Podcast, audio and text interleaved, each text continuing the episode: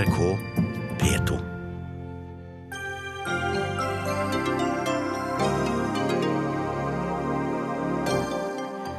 Krekar-saken pla Krekar plager Frp, og skadefryden er dårlig skjult i opposisjonen. Arbeiderpartiet møter Frp til Krekar-debatt. Stortinget sender nye spørsmål til helseministeren om sykehussaken på Nordvestlandet. Hva vil dere vite nå, spør Dagsnytt 18. Og det er påfallende liten åpenhet om kongefamiliens økonomi og formue, mener Jon Olav Egeland. Det sjokkerer vel ingen at de kongelige går i fine klær og bor på slott, svarer Høyre.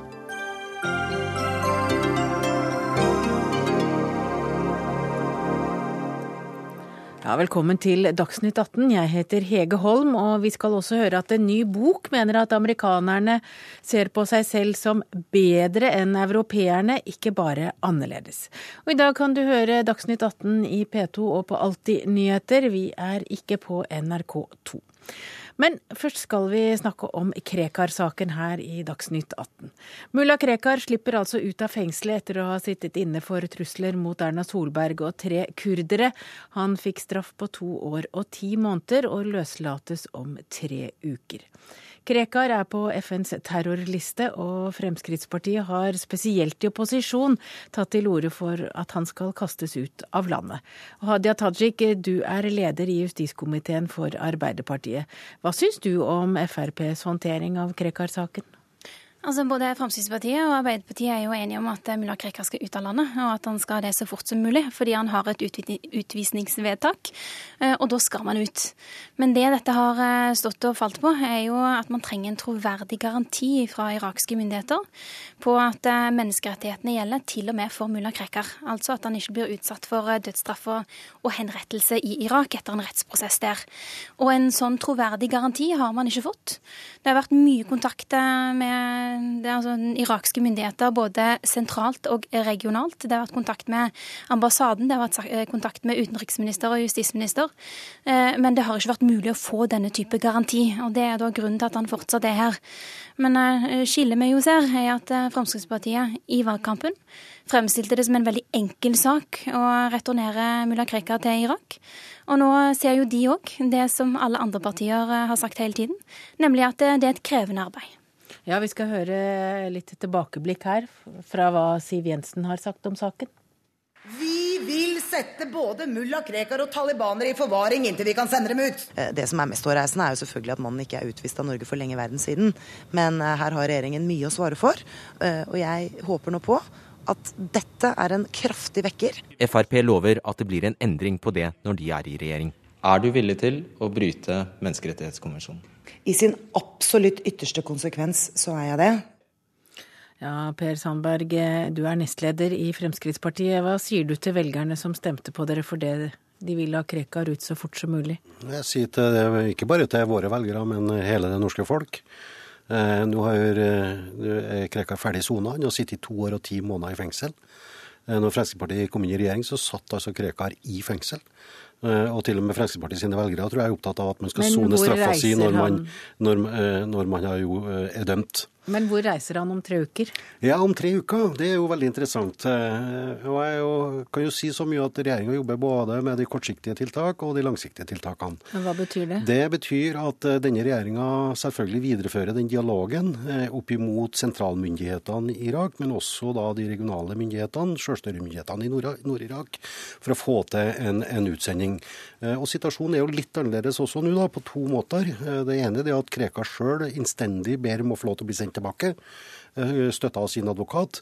Det andre er at IS, altså Islamsk stat, har skapa enda større uroligheter i Irak. Men det er klart at, Og det har aldri vært slik at Fremskrittspartiet sender noen ut, eh, sender noen ut og, og, for, som skal gå rett i galgen.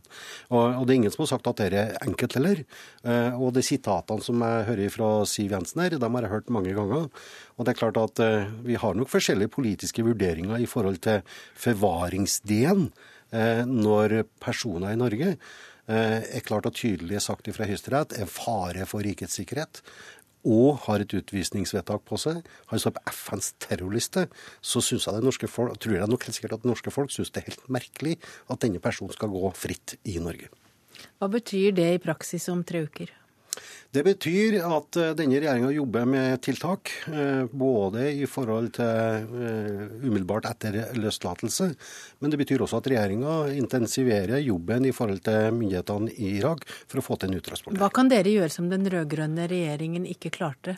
Ja, jeg skal ikke, det er vel ikke noen, noen nyhet i at Fremskrittspartiet, både når vi behandla terrorloven, vi har fremma forslag i Stortinget som går på en styrking av forvaringsinstituttet.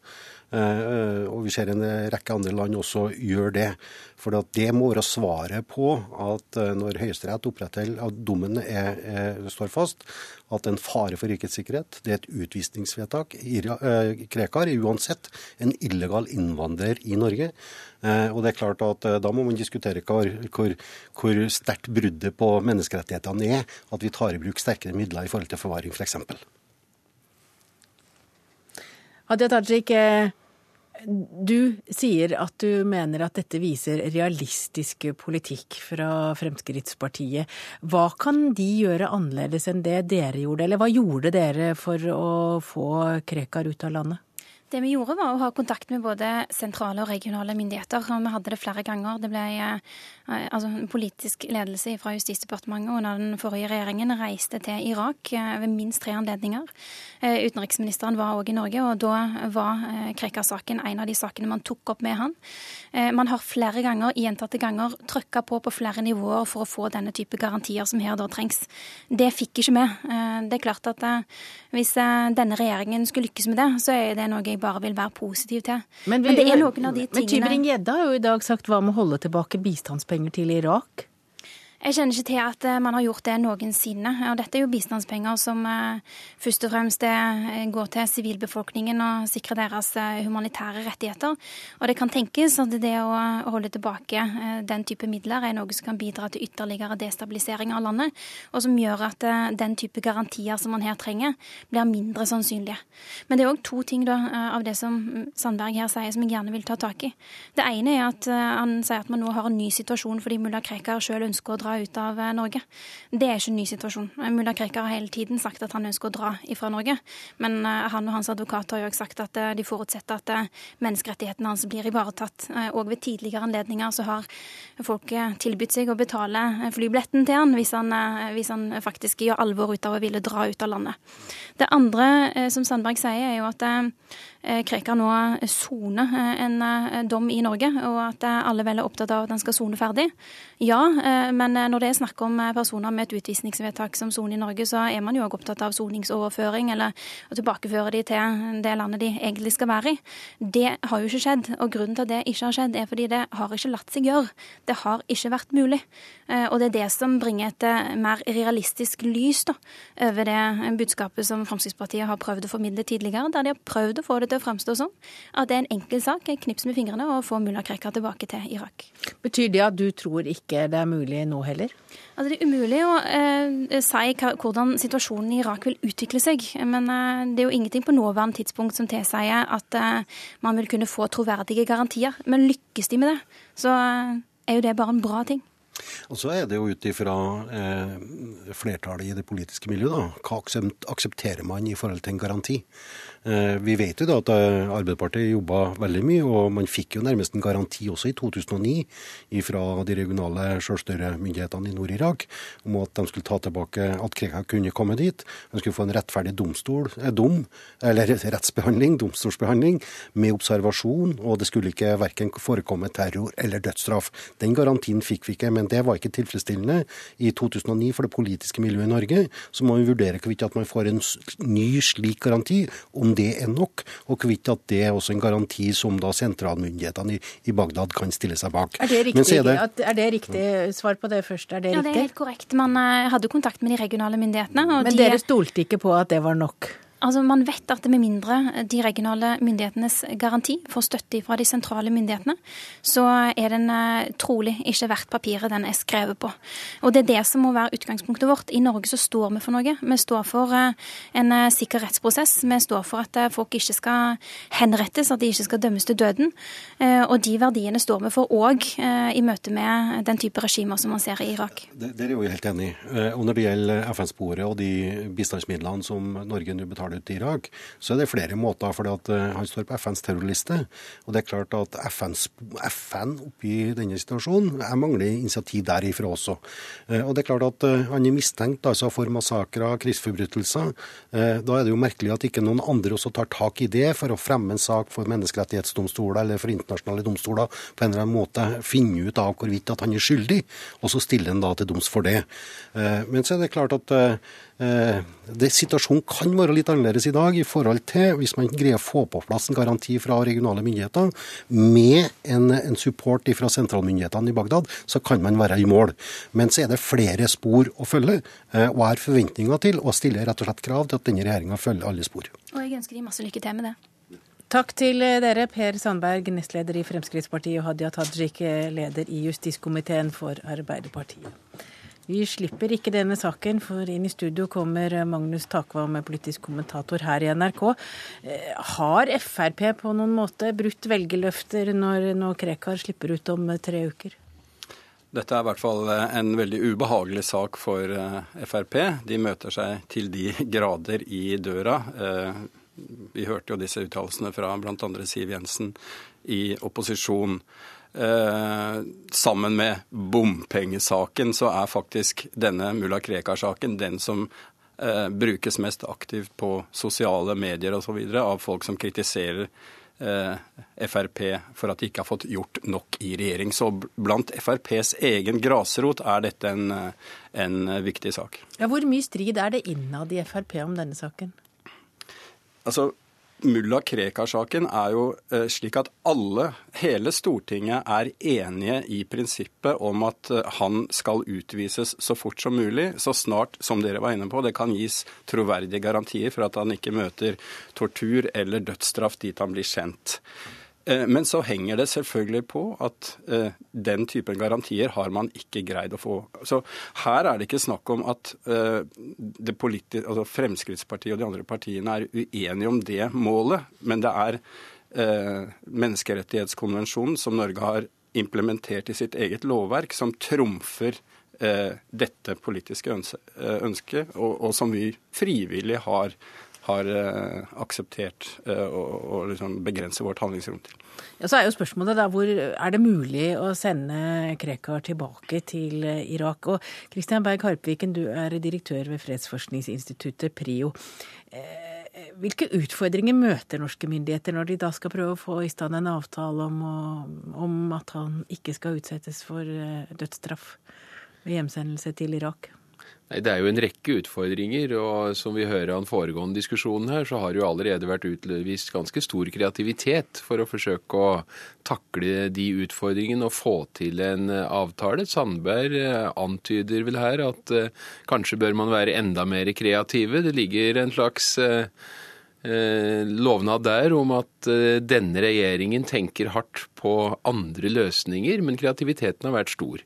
En utfordring er selvfølgelig at eh, rettsvesenet i Irak ikke holder en standard som vi identifiserer oss med på noen som helst måte. og Det betyr jo også at man vil stille spørsmål ved om en garanti vil bli opprettholdt. En annen utfordring er at Eh, her snakker vi ikke bare om en sentralmyndighet i Bagdad. Vi snakker om myndighetene i de kurdiske selvstyreområdene i eh, Nord-Irak, som jo ikke er eh, en internasjonalt anerkjent regjering, og som er i et sterkt spenningsforhold med myndighetene i Bagdad. slik at det å inngå en avtale med selvstyremyndighetene er jo også implisitt en anerkjennelse av en kvasistat som myndighetene selv ikke ønsker skal bli anerkjent, og som det internasjonale samfunnet ikke har anerkjent.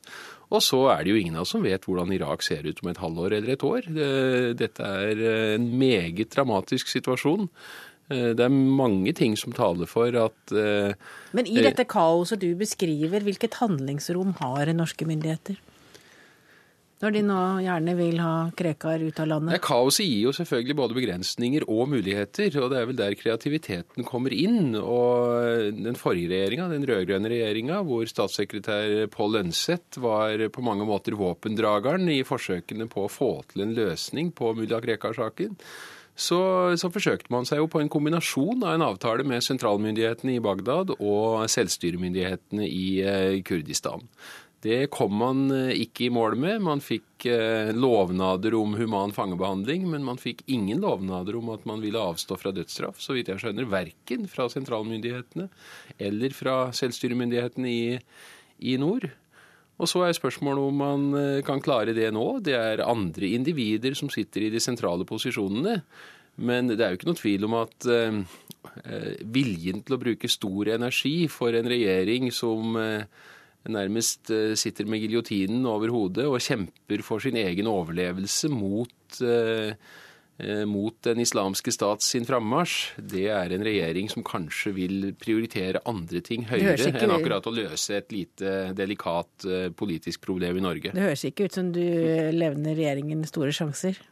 Vel, det vi hører at det er eh, vilje, og vi vet at dette er svært viktig i en norsk sammenheng, så jeg vil ikke utelukke at det finnes et handlingsrom her, og at eh, denne regjeringen kan være villig til å gå et lite hakk lenger for å utnytte det handlingsrommet, selv om det vil avstedkomme kritikk.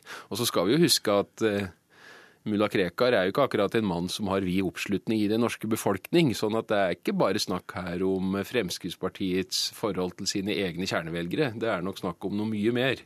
Dette vil være en blomst i blomst i knapphullet for den blå-blå regjeringen hvis den klarer å løse denne saken langt utover egne rekker.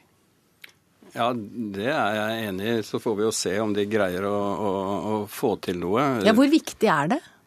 Altså, eh, Jan Arild Ellingsen i Frp, som var tidligere justispolitisk talsmann nå i kontrollkomiteen, sa, sammenlignet jo dette å få eh, sendt han ut mm, for Frp, for så vidt. At det er like viktig for Frp som for Obama å ta Osama bin Laden. Så perspektivene er på plass. Men, men det er et uttrykk for at dette er en, en sak som, som eh, er en veldig viktig symbolsak for et parti som har hatt på sin dagsorden, har på sin dagsorden å stå i spissen i kampen mot skal vi si, radikal islam, mot terrorisme, og som har den innvandringspolitiske plattformen Frp har. Det står uh, på mange måter om deres troverdighet uh, hos velgergruppene, tror jeg. Og hvis de ikke klarer det? Altså, jeg tror nok at eh, som Anders Anundsen på TV i går måtte jo eh, på en måte argumentere akkurat som hvilken som helst Arbeiderpartiets statsråd når han forsvarte regjeringens eh, handlinger på dette området og vise til menneskerettighetene osv. Eh, og eh, jeg tror isolert sett så, så vil folk forstå det, at eh, menneskerettighetene setter en sperre for muligheten til å utvise ham. Men det er klart at forhistorien, det problematiske for Frp, er nettopp denne eh, profilerte kampanjen de har hatt i mange år for med å kritisere foregående regjering for ikke å ha gjort nok selv. Og Vi hører jo Per Sandberg på en måte skaper seg en fallhøyde med, med å si at de, han forventer at noe skjer i løpet av relativt kort tid. Ja, så skal vi ikke glemme at Debatten om mulla Krekar har jo vært med å flytte klimaet i norsk innvandringspolitikk. Vi snakker jo om innvandringsspørsmål og integreringsspørsmål i Norge på en helt annen måte nå enn vi gjorde for ti år siden. Eh, og der kan jo Frp på mange måter innkassere en uh, suksess. Eh, er det noen som vil være lettet hvis mulla Krekar-spørsmålet skulle løse seg, så er det vel flertallet av norske muslimer. Han antyder jo at han kan komme til å reise av seg selv? Han antyder det, men det har han gjort lenge, og han har alltid tatt forbehold, og jeg aner at forbeholdene fortsatt ligger der. Takk til dere, Christian Berg Harpeviken og Magnus Takvam. Dagsnytt 18 alle hverdager klokka 18. På NRK P2 og NRK2.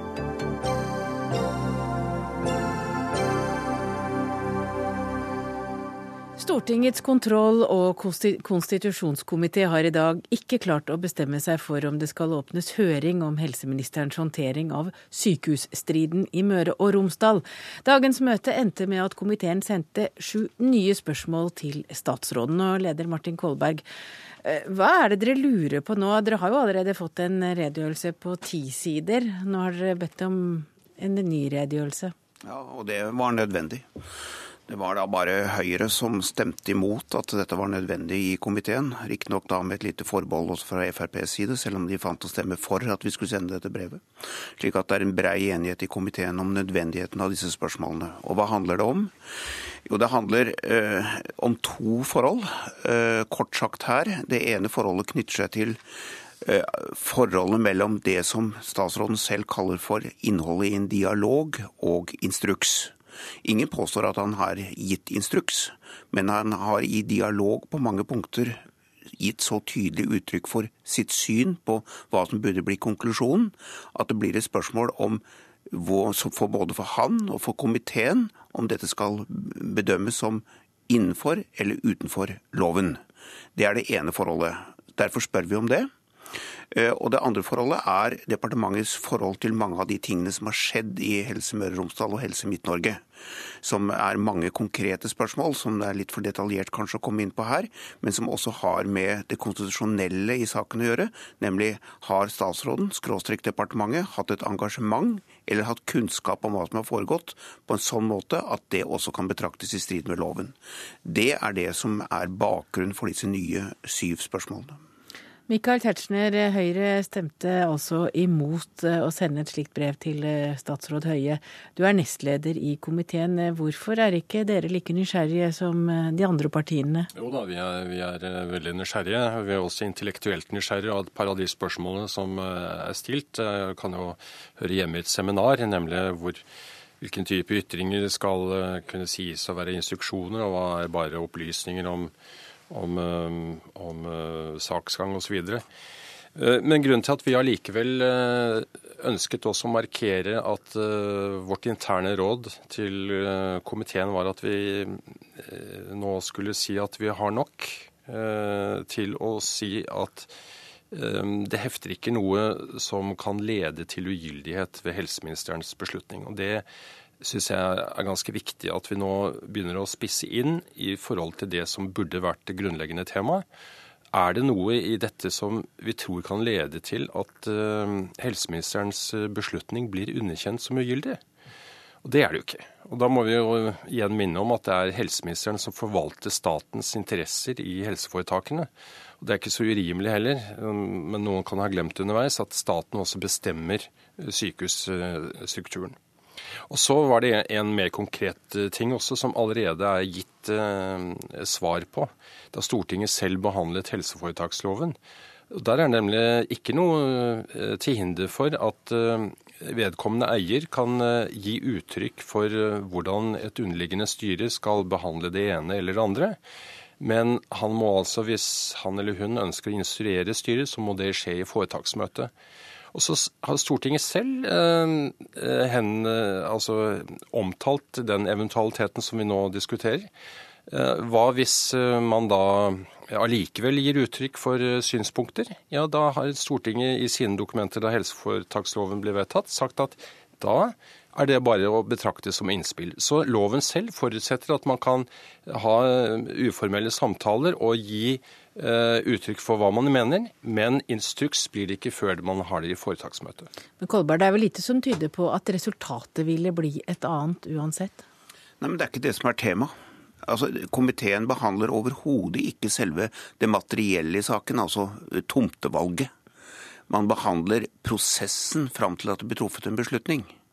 Og det ligger midt i kontrollkomiteens kjernefelt, nemlig å tilse at statsråden og regjeringen og forvaltningen følger de lover og vedtak som er satt. Det er det som er vårt tema. Jeg har aldri sagt noe om det materielle i saken, altså valget av tomt.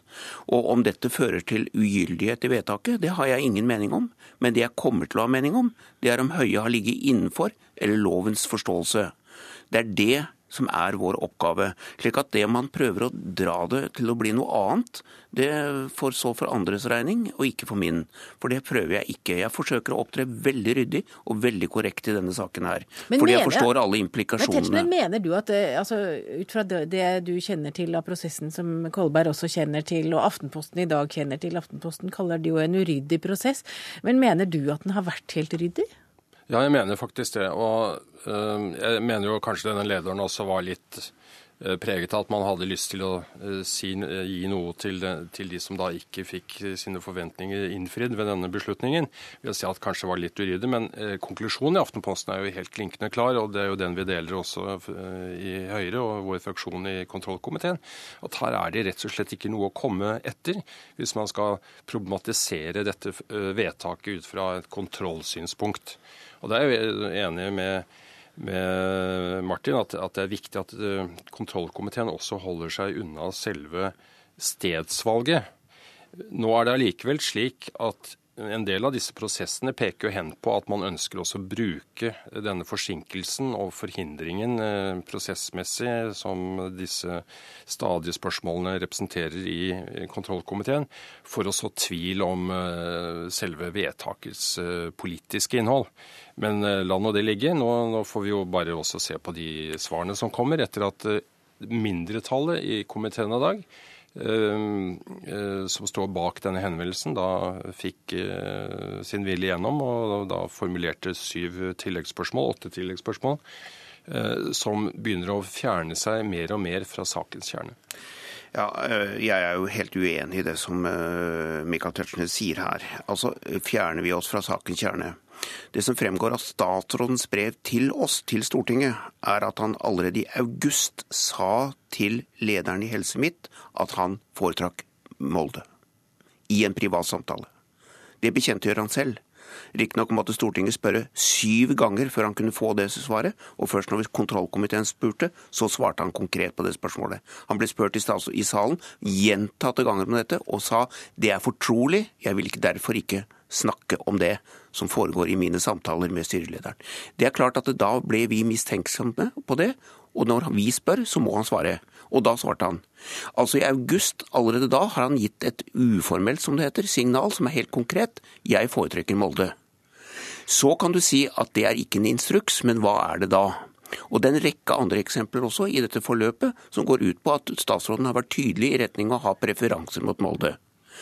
Ok, det, det, jeg mener ikke at ikke statsråden skal ha en politisk mening, jeg har aldri ment det. Men vår oppgave er å bedømme har han i denne prosessen da gitt føringer som fører til at de øvrige institusjonene som har ansvar for dette, går inn og sier vi vet hva statsråden vil. Det andre som er viktig, det er at det som har foregått mellom styrene, altså Helse Møre og Romsdal og Helse Midt, nemlig at det er helt åpenbart dokumentert at de har forsøkt å skape enighet seg imellom. Og det fremgår av loven at det overordnede organet, altså i dette tilfellet Helse Midt, ikke har anledning til å påvirke Helse Møre og Romsdal i deres beslutning. Den skal være selvstendig. Og så kommer disse oppå alt dette så kommer da at direktører slutter, føler seg presset ut, og alle disse forholdene. Som er viktige spørsmål som enda ikke er ordentlig kartlagt. Og noen av de spørsmålene som statsråden har fått i dag, er ikke fordi vi mener at statsråden sitter med det direkte ansvaret, men vi vil vite hva departementet har visst om alle disse detaljerte forholdene, og om han aksepterer at det holdes møter som ikke kalles styremøter, men som allikevel i realiteten er det. Og hvorfor har han akseptert det i tilfelle, hvis så er sant? Og lenger tror jeg ikke vi kommer i denne sykehusstriden på Nordvestlandet, der jo resultatet er kjent, men eh, dette er etter aksen.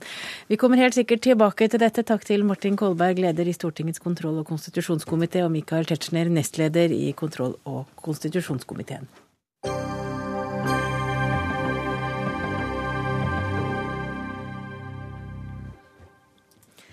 Fra 1.1 har helsepersonell ansvaret for å utføre omskjæringer av gutter. Hvert år blir rundt 2000 guttebarn omskåret her i landet, og etter at sykehusene sluttet med omskjæring, mistet man oversikt over hvor og hvordan disse inngrepene skjer. Men nå har altså helsepersonell igjen fått ansvaret, men det mener du er feil, Nicolas Wilkinson, du er leder i Sosialistisk Ungdom, det må du forklare. Ja, jeg mener at det er feil at leger i Norge skal skjære i små guttebarn. For det er det dette handler om. Og det vi sier er at vi vil ha en aldersgrense. Altså vi vil ulovliggjøre å kutte i små barn. Dette er et inngrep som merker dem for livet. Og i stedet så sier vi at man må vente til de er voksne nok til å bestemme selv, til å ha sin egen religionsfrihet, så de selv kan velge om de ønsker inngrepet når de er 15 eller 16. Men det som skjer er vel at det blir gjort allikevel? Men utenfor sykehusene? Ja, Sånn har det vært til nå. og Derfor vil vi ha en eh, streng lovgivning som ulovliggjør å skjære i små guttebarn. Og det må jo følges opp av politi. Vi har heldigvis en lov mot kjønnslemlestelse av jentebarn som er mye verre. Og den følges opp skikkelig av politi og myndigheter. Det samme burde vi gjøre med små gutter. sånn at vi slipper å ha en situasjon der vi skjærer i små gutter uten at de engang får lov å si hva de selv mener.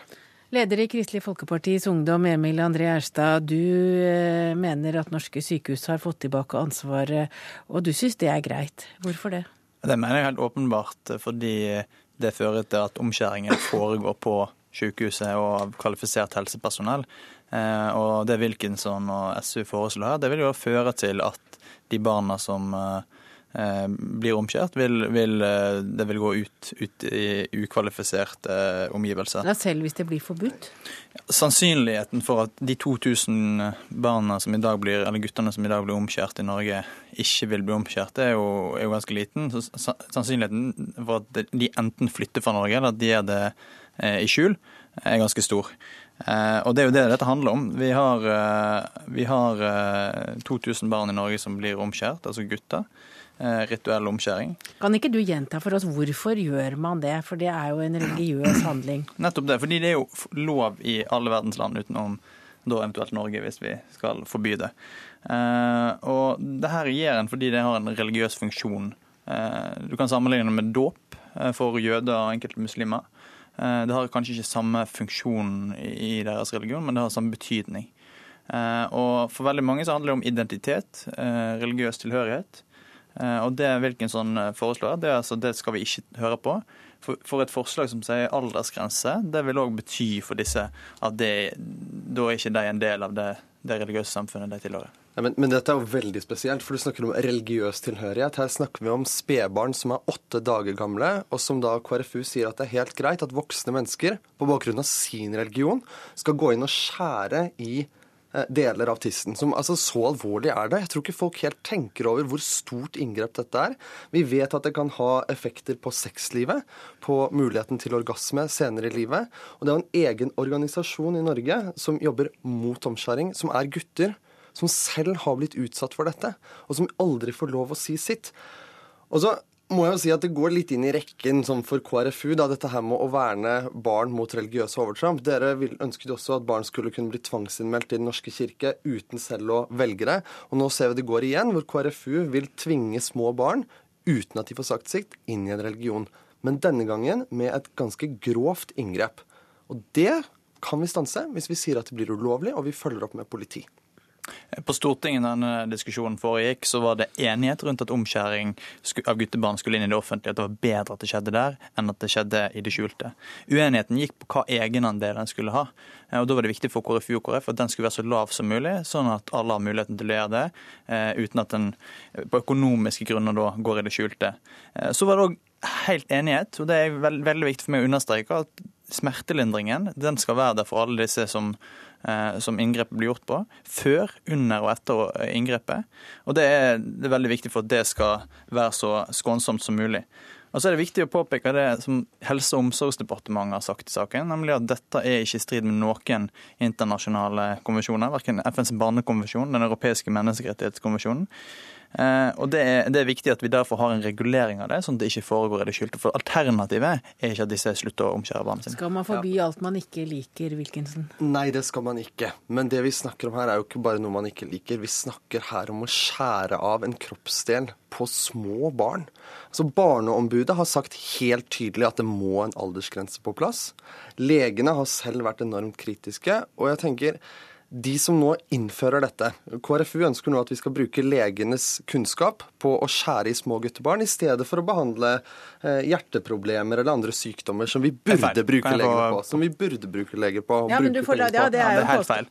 Fordi det, det vi sier er at rituell omskjæring det er ikke nødvendig helsehjelp og det aldri skal gå på bekostning av eller fortrenge annen spesialisthelsetjeneste.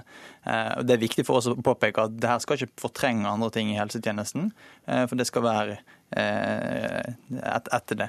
Og det, det, det, det Sosialistisk Ungdom ikke tar inn over seg, er jo det at dette er lov i alle verdens land, og det er en grunn til det. Fordi i alle verdens land så har vi noe som heter religionsfrihet, og det tar vi på alvor. Det er den viktigste identitetsskapende ritual for jødene. Det vil, vil, i praksis for veldig veldig mange jøder i Norge bety at de ikke ser mulighet til å bo her. Og det må òg de som foreslår et forbud mot rituell omskjæring ta inn over seg. Det som nå er praksis, og det som storflertallet på Stortinget er enige om, nemlig at det skal foregå i det offentlige av kvalifisert helsepersonell, det er en praktisk måte å løse dette på som tar inn over seg barnet sitt beste, og som òg bevarer religionsfriheten. Men Wilkinson, det er politisk flertall for det, og det er vel bedre da at det foregår av helsepersonell, at det er de som gjør det, enn at man gjør det privat? Ja, det er mye bedre. Og dette er bedre enn sånn det var, men det er fortsatt feil løsning fordi man burde, ulovliggjort det. Og så syns jeg det er ganske jeg synes det er ganske kvant egentlig at man påberoper seg religionsfrihet. fordi at hvem sin religionsfrihet er det? Jo, det er religionsfriheten til foreldre å tvinge sine spedbarn inn i religion. Det er jo ikke religionsfrihet, det er det motsatte. Det er religionstvang. Og det vi da sier, er at vi ikke ønsker et forbud mot rituell omskjæring. Selvfølgelig vil vi ikke det. Vi vil forsvare folks rett til å velge selv. Men da må man faktisk vente til disse barna er voksne nok til å bestemme selv. Men... Derfor vil vi ha en 15-årsgrense. Sånn at folk som KrFU ikke kan tvinge små barn inn i religion med å skjære i deler av kroppen deres. Det er vel ikke akkurat KrFU som gjør det. Nei, det er flertallet på Stortinget, så her, her, her står uh, Wilkinson for mindretallet. Men uh, det en ikke tar inn over seg, er å si 15-årsgrense. Uh, det vil bety at, at, de ikke får den identitetsskapende ritualet som, som er så sentralt for muslimer og jøder i Norge. Takk for at dere kom til Dagsnytt 18, Emil André Erstad, leder i Kristelig Folkepartis Ungdom, og Nicolas Wilkinson, leder i Sosialistisk Ungdom.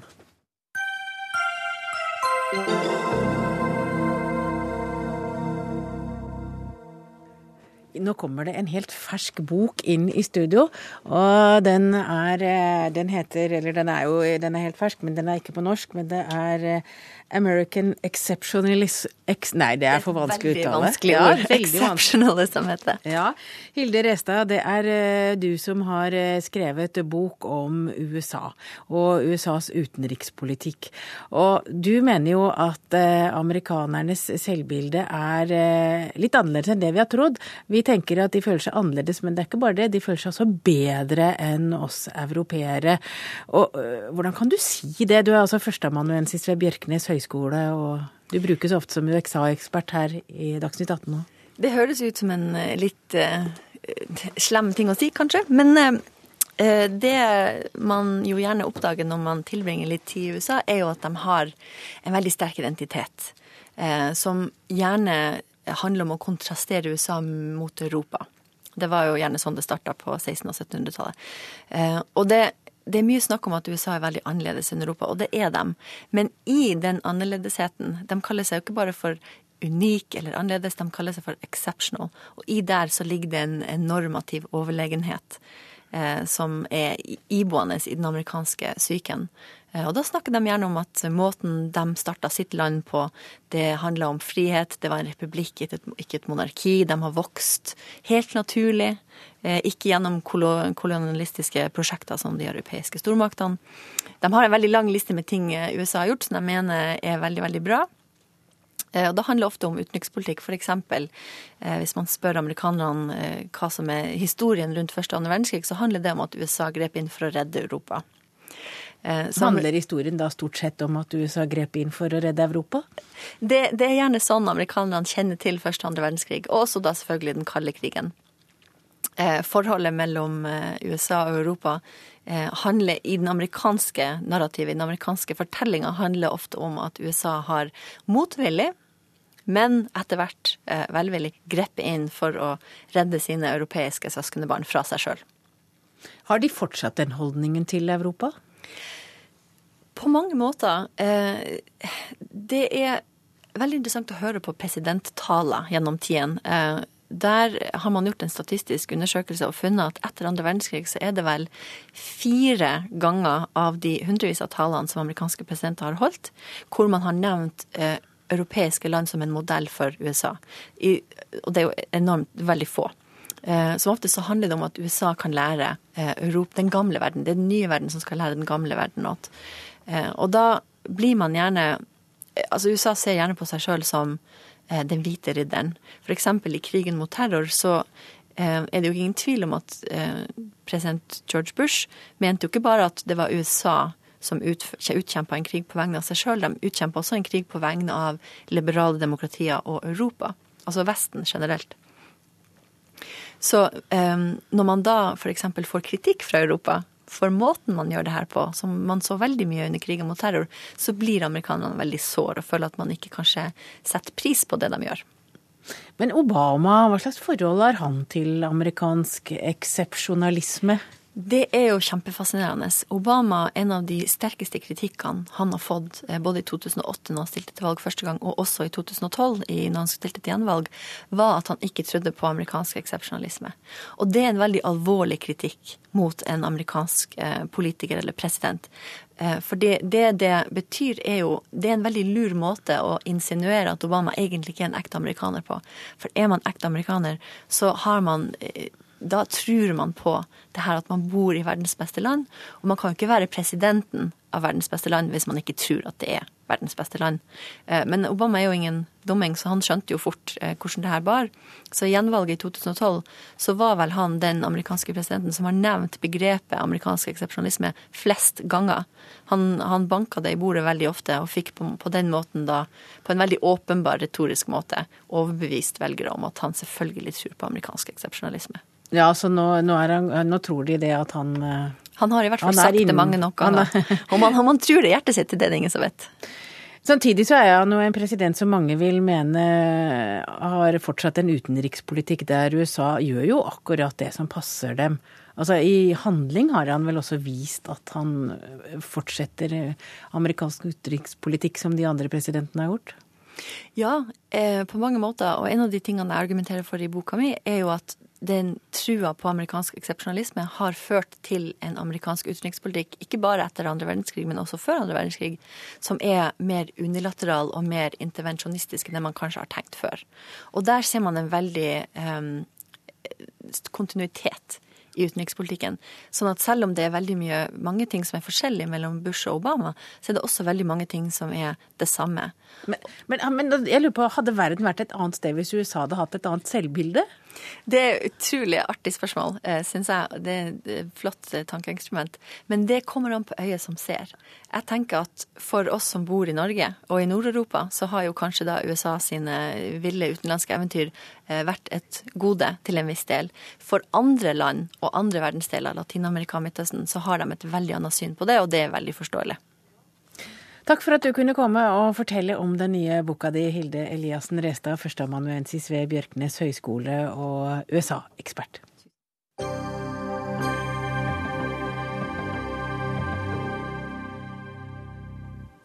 Tankesmien Agenda vil opprette et beskyttelsesemblem for å beskytte skoler i krigssoner. Årsaken er at de mener det internasjonale samfunnet ikke gjør nok for å beskytte skoler, elever og lærere. Like før jul ble jo en skole i Peshawar i Pakistan angrepet. 132 skoleelever og ni lærere ble drept. og Rolf Vestvik, du er leder for Tankesmien Agenda sitt internasjonale arbeid. Og dere foreslår at dette beskyttelsesemblemet, dere kaller det for en blå bok. Du må forklare. Ja, Bakgrunnen er jo, som du, du sier, at antall angrep på skoler, antall drap på uskyldige skoleelever og lærere øker i verdens um, krigs- og konfliktområder. Pakistan skjedde rett før jul, men samme dagen som uh, det skjedde i Peshawar, så ble også 15 skoleelever i Jemen uh, drept. Sånn at Pakistan-hendelsen, Peshawar-hendelsen, var ikke en enkelttilfelle. Og derfor så må vi gjøre noe. Vi må tenke nytt, og vi må tenke innovativt på hva kan vi gjøre. Men, men nå var det vel meningen å gå altså så den, det, målet for aksjonen var nettopp den skolen? Nettopp. Og, men ideen her er eh, ganske enkelt. Eh, ganske enkel. Eh, det Røde Kors beskytter i dag et beskyttelsesemblem som beskytter Eh, sykehus og helsearbeidere verden, verden, over. I mange krigs- og konfliktområder så ser vi at dette virker. Partene i konflikten har respekt for Det røde korset, og eh, lar da uh, helseinstitusjonene og helsearbeiderne være i fred. De, de, har nøytralitet. Og Vår idé er da å si at kan vi gjøre noe av det samme når det gjelder skoler? Kan vi finne et emblem som kan beskytte skoler? Fysisk putte dette på, på skolene, fysisk putte dette på Eh, lærerne og, og elevene for å øke beskyttelsen av, um, av dem. Ja, Tror dere at et emblem er nok? Nei, et problem er, er langt fra nok. og Vi ser jo også i dag eh, dessverre også hendelser på at eh, Røde Kors uh, mister folk. De har mista mange i, Syria. Vi ser også at sykehus uh, mange steder blir, blir, angrepet. Men vi ser som sagt også at i mange krigs- og konfliktområder så blir Det Røde Korset uh, respektert. og det er noe av den samme si, um, prosessen vi ønsker rundt, rundt skoler. Og man skal også huske på at Det Røde Korset var ikke noe som kom over natta. Det Røde Korset ble altså lansert i 1864.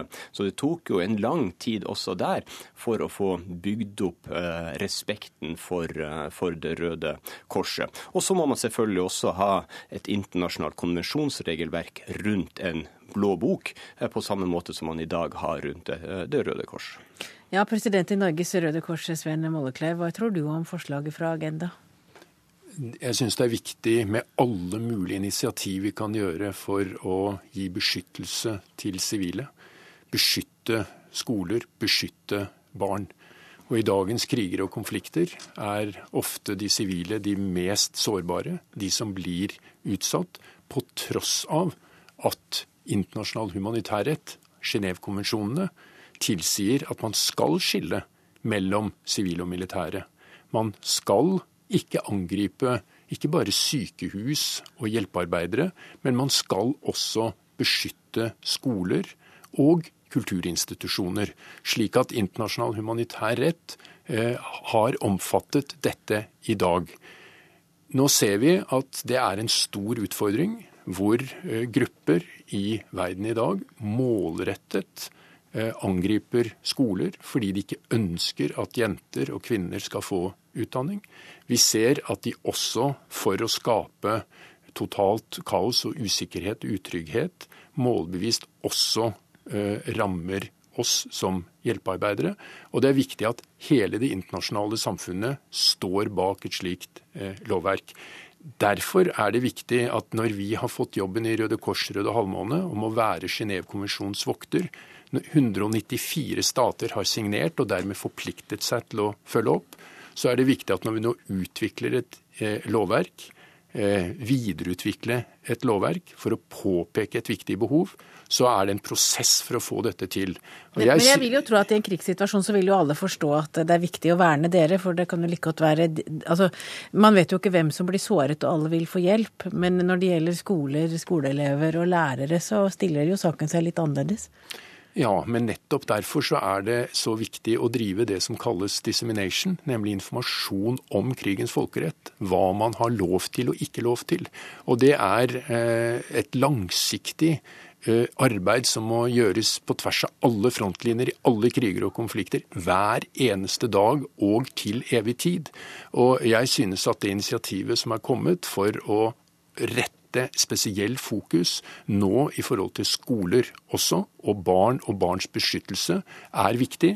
Men det er en lang internasjonal prosess for å sikre tilslutning til det, slik at man får en aksept en anerkjennelse, en forståelse av viktigheten av dette for at det skal virke forebyggende, og ikke det motsatte. Men, men er, det, er, det, bare positivt med slike emblemer, eller kan det også virke mot sin hensikt? Fra Røde Kors Røde Halvmåne sin side så er det åpenbart positivt. Eh, de aller fleste steder så er det aksept fra partene om å la oss få tilgang, la oss få holde på, fordi vi er nøytrale, uavhengige og upartiske, og vi er der for å dekke et humanitært behov. Så finnes det eksempler, som vi har sett i Syria, hvor 40 40 fra Syria-Røde Halvmåne er skutt og drept på alle sider av frontlinjen, fra alle parter. Men vi må hele tiden ha kontakt med alle parter, også ISIL, også al-Nusra, også Assad-regimet, for å påpeke forpliktelsen og viktigheten av dette nøytrale.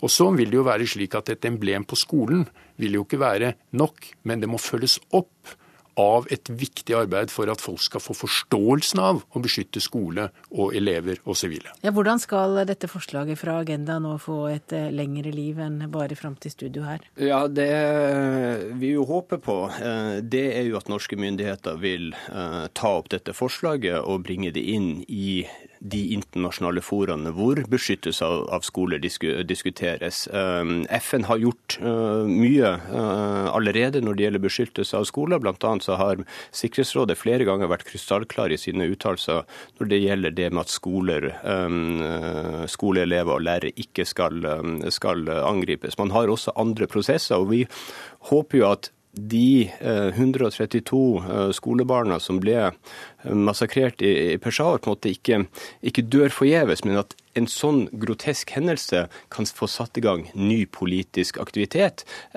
Forslaget er jo ikke helt nytt, det har vært diskutert tidligere, men vi håper at man nå har den politiske viljen til å gjennomføre det. Takk for at du kom, Rolf Vestvik, leder i Tankesmien Agendas internasjonale arbeid, og Sven Mollekleiv, president i Norges Røde Kors. Hør Dagsnytt 18 når du vil. Radio NRK.no. Det norske kongehuset liker å fremstå som åpent, demokratisk og nøkternt. Det er en maske, ikke en realitet. Det skriver du i en kommentar i Dagbladet, Jon Olav Egeland. Du er redaktør og politisk kommentator i Dagbladet. Hva mener du med den kongelige masken?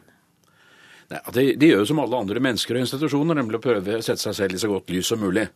Eh, I motsetning til mange andre, også statsinstitusjoner, så har du et apparat som ivaretar dette, og en ganske lydig presse som også gjør det. Dermed så ser vi på en måte ikke forskjellen mellom eh, det bildet du nettopp refererte, og det andre livet, som handler da om privilegier, eh, om fremskutte posisjoner, om et liv i luksus, slik at, og hemmelighold av eh, sentrale spørsmål, slik at eh, det er en viss eh, avstand mellom liv og lære i disse spørsmålene. Men apanasjen blir jo gitt over statsbudsjettet, så den ser vi jo. Jo, men vi, hvis vi går inn og ser på f.eks. På, på Slottets årsberetning, hvor altså regnskapene for dette står, og også for så vidt hva, hva vi får offentlig fra, fra, regjeringen, så vet vi jo veldig lite om hva dette egentlig går til. Det er sekkeposter. Vi får ikke noe særlig innblikk i hva de ca. 300 millioner kronene som kongehuset koster oss årlig. Eh, samtidig så er det jo en stor privat og hemmelig kongelig formue som vi vet veldig lite om. Vi vet ikke noe om hvordan den uh, plasseres, vi vet ikke hvilke retningslinjer som den uh, plasseres etter. Vi har ikke noe etisk regelverk som vi f.eks. har i oljefondet, eller vi har ikke noe register for, for kongelig virksomhet som vi f.eks. har for stortingsrepresentanter. Men hvis du henvender deg til Slottet og ber om å få vite hvor stor formuen er og hva den innebærer, hva får du til svar da? Ja, Det har jo norsk presse gjort ved en rekke anledninger, og, og først så fikk man jo ikke noe svar i det hele tatt. Eh, det bare avmiste man å svare, men så kom det jo faktisk da noen oversikter som viste at den kanskje var i størrelsesorden en halv milliard. Og Da fant Slottet det betimelig å rykke ut og dementere det. og Den nåværende versjonen er vel at den er et sted pluss-minus 100 millioner kroner. Men vi vet jo ikke det er hvor den er plassert, eller hva den består i, eller hvor den kommer fra. Og Jeg sier ikke nødvendigvis at vi behøver å vite alt i detalj her, men, men, men det, er et, det, er et, behov for at vi vet at det ikke finnes f.eks.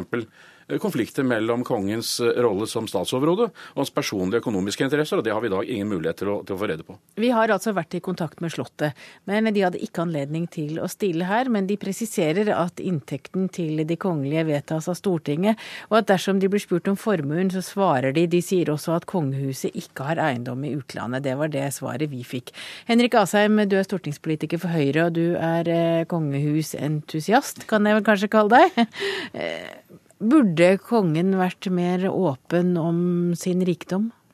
Ja, jeg mener at Egeland har et poeng. og det at det neste nå for at monarkiet skal tilpasse seg en ny tid, er nok å være mer åpne om både hvilken privat formue de har, eh, og om hvilke gaver de får, f.eks. tror jeg vil være veldig lurt. Det regelverket de styrer under nå, er det jo Stortinget som har vedtatt. og Det er et gammelt regelverk som var tilpasset en tid hvor de ble valgt som kongefamilie, hvor de hadde med seg en privat formue som det var et poeng at skulle være litt i skjul og ikke en del av måte, statskassen. Ja, Så du mener de kan ikke fortelle det selv om de skulle ønske Og jo da, jo da, og det syns jeg de burde gjøre også, for det tror jeg er lurt. Jeg tror ikke de har noe å tape på å være åpne om det. Men husk på at dette er en gammel arv som, som de hadde som en sikkerhet, i tilfelle f.eks. okkupasjon, hvor de da kunne forlate landet, men fortsette å eksistere. Det betyr jo også at hvis kongehuset kun fikk bevilgninger over statsbudsjettet, og det var alt de hadde, så kunne jo Stortinget egentlig legge ned monarkiet gjennom å stanse en bevilgning, istedenfor å endre Grunnloven, som egentlig er det vi må gjøre.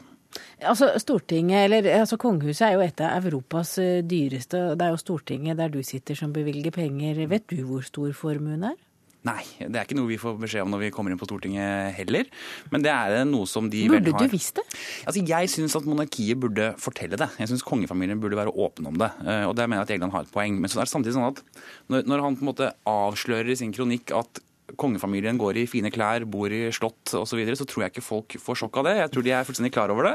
Og jeg tror at det ikke plager folk. Altså jeg tror Dette her er en del av det som er monarkiet. Hadde folk fått sjokk av det, så hadde vi vært mot monarkiet i dag. Jeg syns virkelig det bare er stas å se veskene til Mette-Marit, og at du stadig skifter kostyme og Jeg tror helt klart at vi forventer at vi skal ha et kongehus i silke og hermelin i, i en eller annen forstand.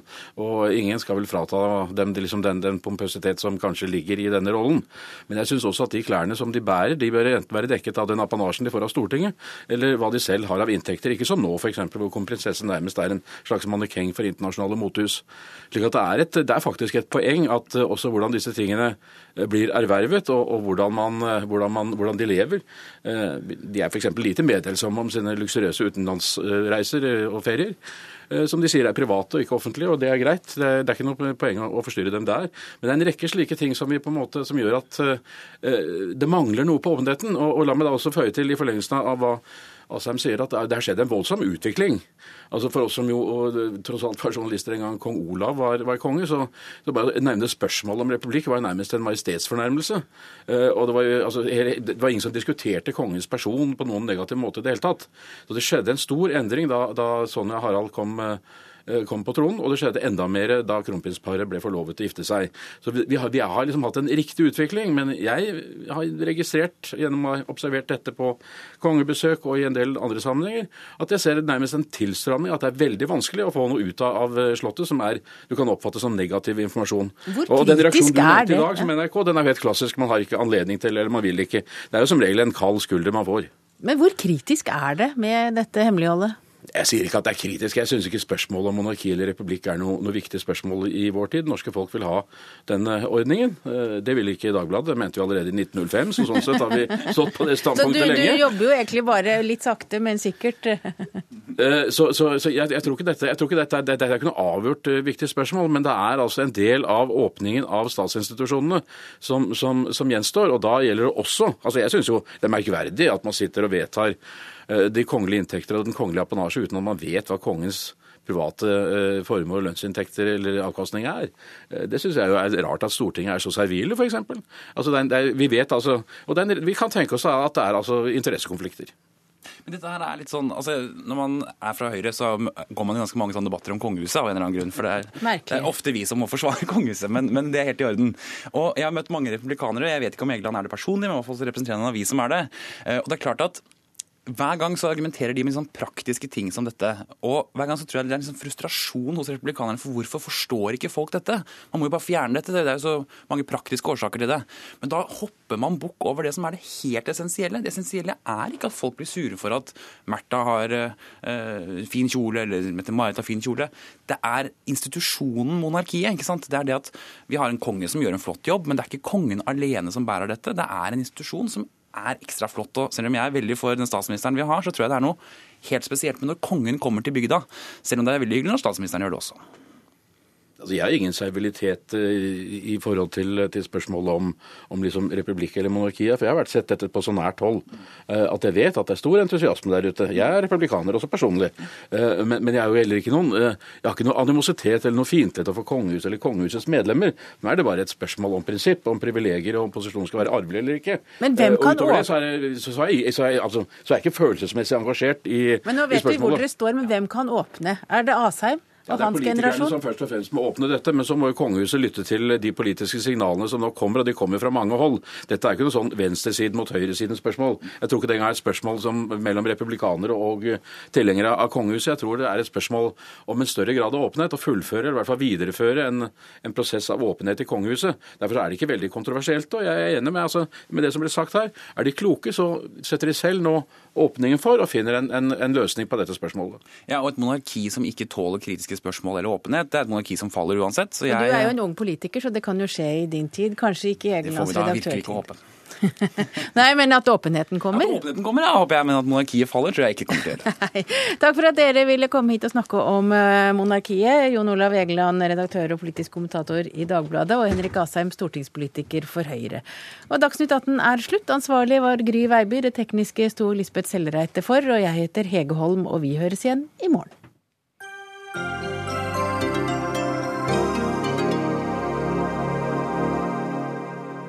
Hør flere podkaster på nrk.no podkast.